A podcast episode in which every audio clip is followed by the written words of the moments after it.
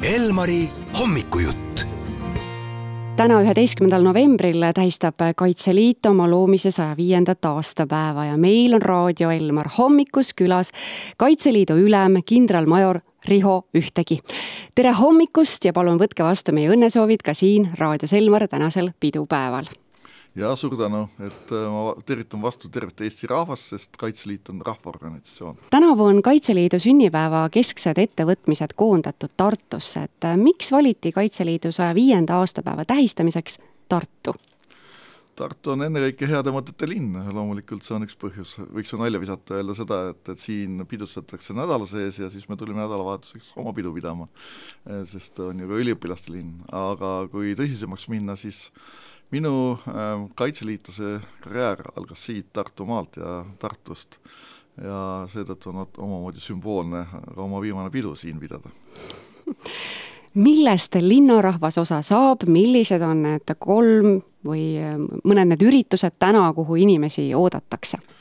üks on kohe algamas siinsamas Raekoja platsis, Tartu malev näitab oma tehnikat ja varustust äh, kella kümnest. Ja see lõpeb siis suure pauguga, kell üks on Pärnu maleva orkester, äh, teeb siin tatuud ehk siis kujundliikumist, kella kolme ajal me paneme pärgi siis Vabadussõja monumendi juures ja kell neli näiteks on kirikus jumalateenistus, Jaani kirikus, mis on avatud kõigile päeva jooksul on meil ka äh, Riia kaksteist akadeemias äh, näitus üleval, äh, kellel võimalik käia, võib vaatamas käia ja kes kinno satub, siis sel nädalal jookseb siin Tartus Apollo kinos ka äh, Pitka legend, film mehest, kes on, oli Vabadussõja isa, soomusrongide isa ja, ja ka Kaitseliidu isa.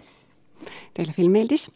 väga meeldis, väga sügava mulje jättis ja see tund aega ei ole liiga pikk, aga just paras, et äh, meelde tuletada seda, kuidas inimeste elud tol ajal kujunesid. nii et täna Tartus on väga meeleolukas pidupäev ja sündmusi jagub päris palju ja kogu info tegelikult on äh, toimuva ürituste kohta leiab üles Tartu maleva Facebooki lehelt. aga millise sõnumi äh, annate üle teie oma mantlipärijale, olete te jõudnud mõelda? noh, võiks öelda, et, et põhisõnum on see, et, et ei eksiks teelt, et Kaitseliit säilitaks oma näo, nii nagu ta on olnud see sada viis aastat, ja et Kaitseliit jääks ja oleks rahvaorganisatsioon, sest äh, nii oleme tugevad. kas mäletate teie ka, teile midagi üle antud õpetussõnu või, või mingit enam-vähem needsamad sõnad. olidki et selle hea sõnumiga siis ka lähete teie edasi, annate siis üle? aga meie täname, et te siia raadiosse Elmar külla tulite, head pidupäeva veel kord ja aitäh siis külla tulemast, Kaitseliidu ülem, kindralmajor Riho Ühtegi ja pidulikku aastapäeva Kaitseliidule! aitäh ja elagu Eesti! raadio E